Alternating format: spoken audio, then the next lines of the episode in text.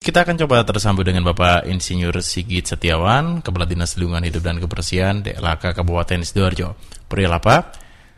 Kemarin, sahabat, sempat ada peninjauan yang dilakukan oleh Coffee Vendor Parawansa Gubernur Jawa Timur, yaitu untuk memastikan proyek TPA Jabon ya, pembangunan sanitary landfill lebih tepatnya, yang rencananya siap untuk dioperasikan jadi sanitary landfill ini sendiri memiliki kapasitas pengolahan sampah sampai dengan 450 ton per harinya.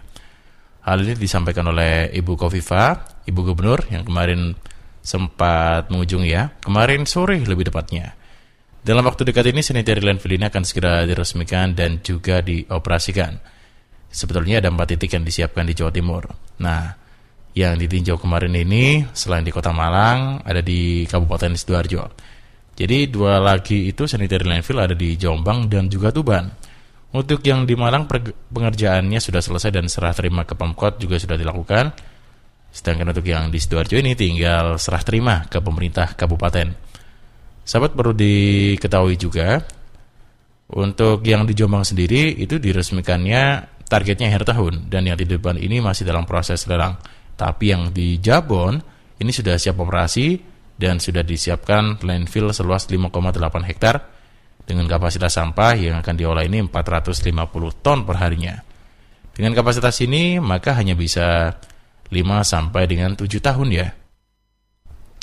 Tidak hanya itu di kawasan sanitary landfill juga sudah disiapkan gedung sorting dan juga tempat untuk composting sehingga TPA ini juga akan menghasilkan pupuk kompos yang nantinya juga bisa dimanfaatkan untuk menghasilkan pupuk organik.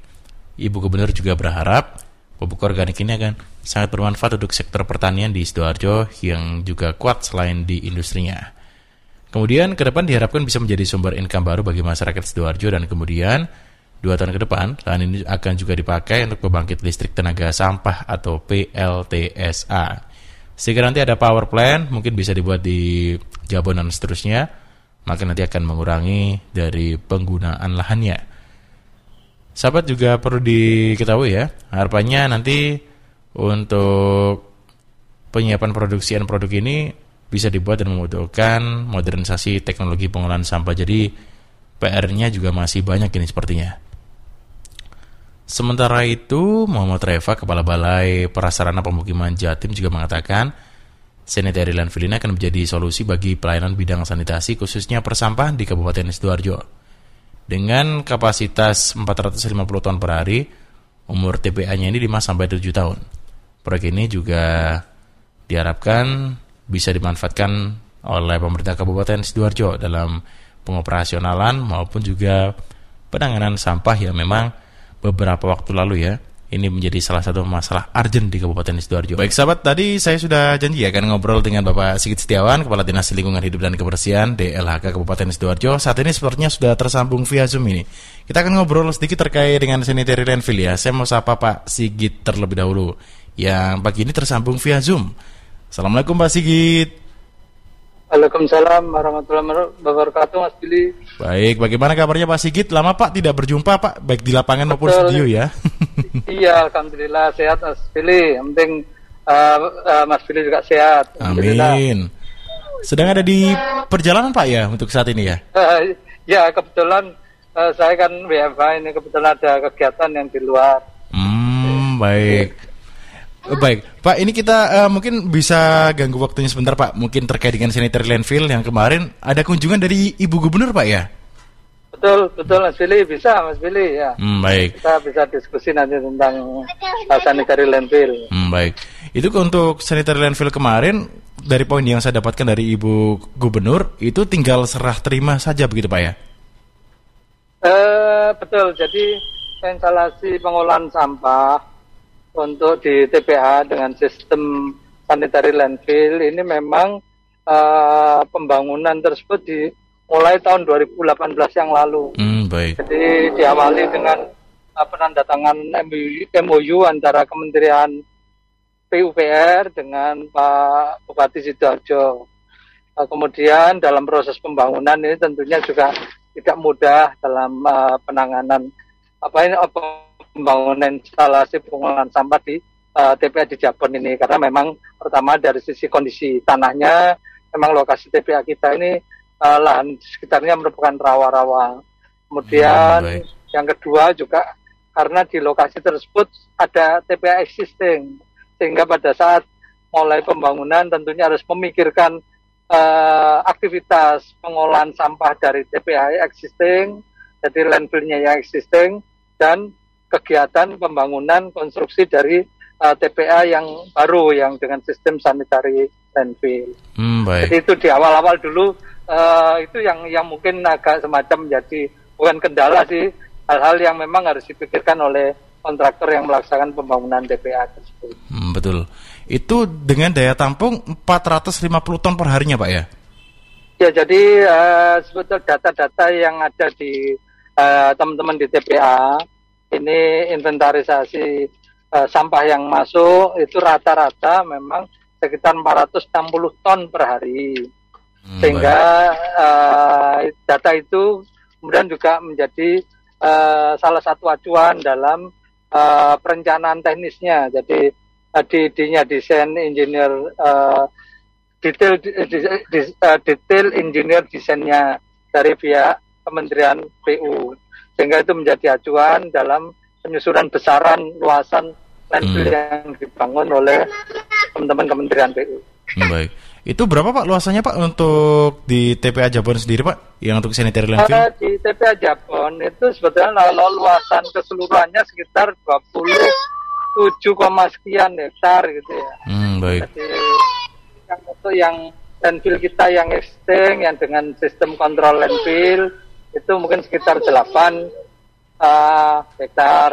Kemudian yang baru ini juga sekitar 8 hektar Hmm, Kemudian baik. yang yang masih lahan cadangan dalam artian memang disiapkan nanti memang rencana untuk instalasi pengolahan sampah yang menghasilkan energi listrik atau PSCL hmm, atau baik. yang sebelumnya lebih dikenal dengan pusat listrik tenaga sampah itu memang uh, lahannya disiapkan di uh, di sisa lahan yang ada sekitar 9 uh, 8 sampai 9 hektar lah yang sisa itu.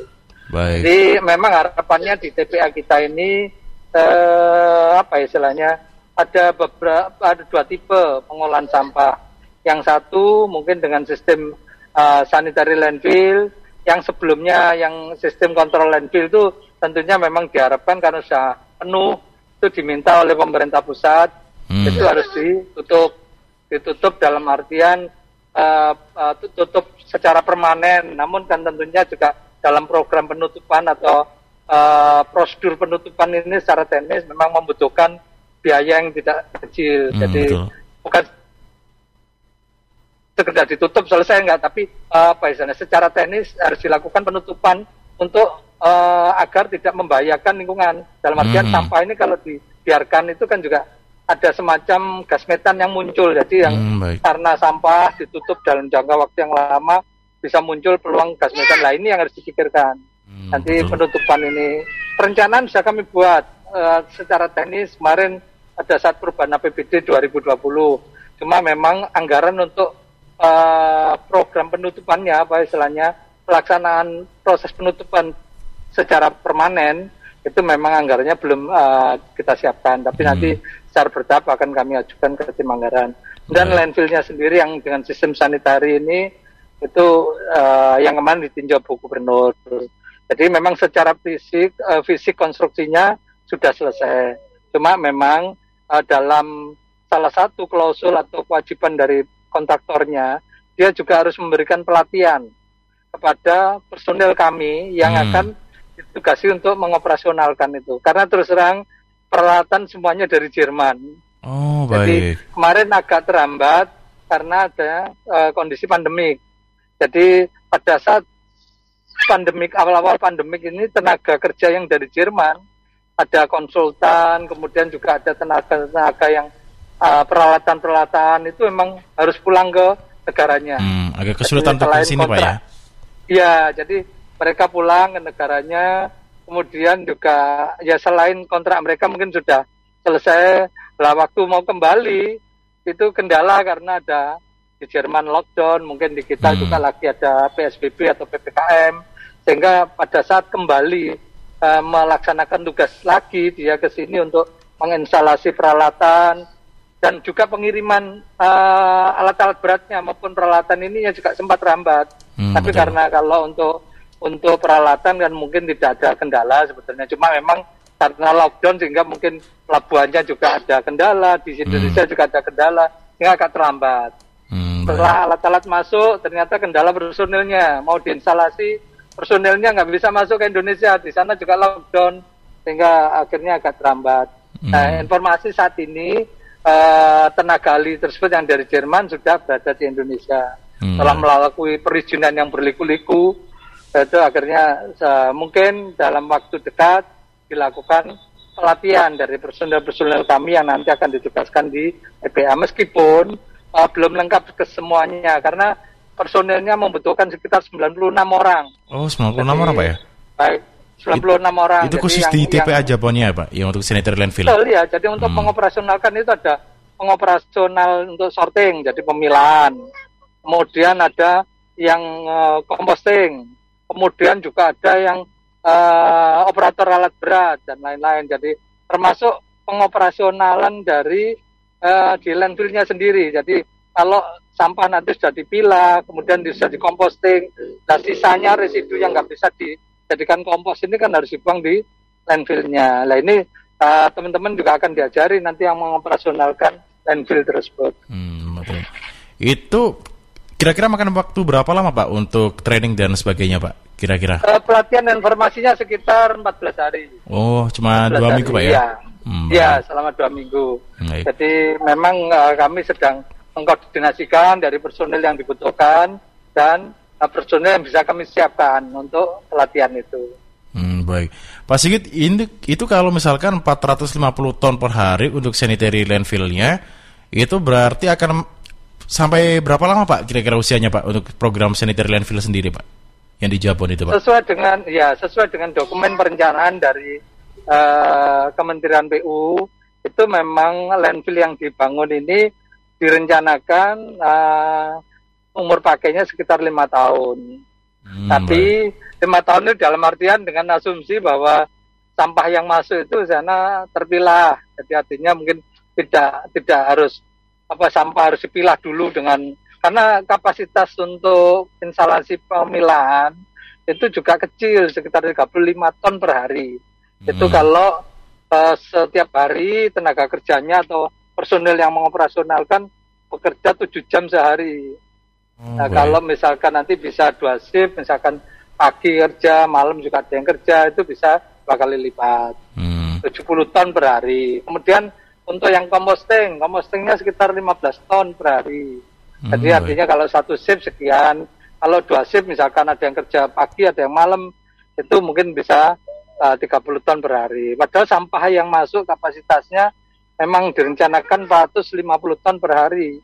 Artinya bahwa yang tadi 70 itu harus sudah terpilah, anu, yang bisa dipilah, sisanya kan harus sudah terpilah. Kalau hmm. sampai lebih dari 70, berarti antriannya panjang lah. Itu kan nanti juga kendala kita. Lahannya kan kita juga terbatas. Hmm, betul Artinya kan dalam proses lah hal-hal seperti ini yang mungkin harus dipahami. Uh, nanti akan di uh, apa ya diberikan pelatihan kepada personel kami sehingga nanti dalam pengaturan ini. Makanya dalam seperti yang diharapkan dari Bu Afifah kemarin, Bu Gubernur, itu memang uh, permasalahan sampah ini tidak bisa diselesaikan hanya oleh pemerintah. Meskipun pemerintah memiliki anggaran yang besar misalkan, hmm. tanpa didukung masyarakat kita nggak akan mampu. Hmm, betul, Contohnya betul. yang sanitary landfill ini punya kita di Sidoarjo yang dibangun Kementerian PU ini, bangunannya juga mohon maaf itu informasi dari Kementerian bangunan instalasi pengolahan sampah yang paling mahal di Indonesia. Oh, baik. Dibandingkan instalasi pengolahan sampah yang sebelumnya dibangun. Ya kan hmm. tadi saya sampaikan karena salah satu hal yang bikin mahal adalah karena lahannya rawa sehingga konstruksinya hmm. harus membutuhkan biaya yang besar. Kemudian belum nanti biaya operasionalnya dan lain-lain. Dan ini kalau biaya yang besar yang dibuat oleh pemerintah tanpa didukung masyarakat dengan adanya pemilahan dan lain-lain atau upaya pengurangan sampah, ya kita akan umur pakai yang direncanakan lima tahun bisa-bisa nanti kurang dari lima tahun sudah oh, tertutup mudah-mudahan mudah-mudahan tidak terjadi Mas Billy. Hmm, saya yakin masalah betul. kita masih anu lah uh, memiliki kepedulian terhadap lingkungan uh, uh, terhadap lingkungan dalam upaya-upaya pemilahan maupun pengurangan sampah di Kabupaten Sidoarjo. Hmm, betul. Jadi memang sahabat peran serta masyarakat ini juga sangat penting ya, apalagi dalam pengurangan sampah Pak Sikit ya pastinya ya. Karena misalkan kalau pengurangan sampah juga tidak dilakukan oleh ya, masyarakat betul, ini, betul. takutnya nanti ya. bisa kurang dari lima tahun Pak ya. Halo. Bisa kurang dari lima tahun Pak ya, misalkan nanti masyarakat ya, ya, tidak dikontrol kalau, untuk sampahnya tadi. Hmm, baik. Baik kalau betul, begitu Pak. Ya, kalau masyarakat Mbak memiliki kepedulian, ya. Baik. Ada lagi Pak mungkin yang ditambahkan untuk masyarakat Pak karena saat ini juga tadi disampaikan Pak Sigit kan sangat penting ini untuk peran serta masyarakat Halo, ya. Mas Billy.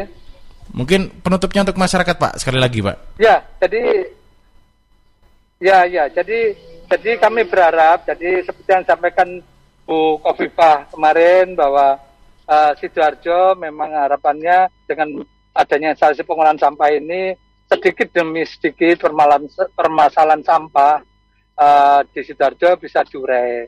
Tapi kembali lagi dalam uh, menguraikan masalah pengelolaan sampah ini tentunya sangat diharapkan adalah dukungan masyarakat. Sehingga kalau masyarakat mendukung ini tentunya permasalahan itu juga akan semakin uh, mudah terurai sehingga permasalahan tentang lingkungan di Kabupaten Sidoarjo ini bisa di uh, segera diwujudkan kondisi lingkungannya semakin baik. Baik, baik kalau begitu Pak Sigi terima kasih saya ucapkan waktu dan juga tadi informasi yang sangat berharga Pak ya. Semoga dengan yang tadi disampaikan ini masyarakat juga bisa terbangun mindsetnya ini untuk melakukan pengurangan sampah sedemikian mungkin. Karena biayanya juga sangat besar Pak ya ternyata Pak ya untuk di Jabon ya. sendiri ini ya. Baik, kalau begitu ya, terima, ya, Mas Billy, terima kasih. Baik sahabat, baru saja kita tadi sudah berbincang-bincang dengan Bapak Sigit Setiawan, Kepala Dinas Lingkungan Hidup dan Kebersihan di Laka Kabupaten Sidoarjo ya. Ternyata saat ini biayanya sangat besar sahabat untuk sanitary landfill dan perlu dipahami juga kalau masyarakat juga tidak ada perubahan mindset ya untuk pengurangan sampah dan sebagainya, bisa-bisa nanti kurang dari lima tahun seperti yang direncanakan dalam uh, beberapa program untuk sanitary landfill sendiri di TPA Jabon.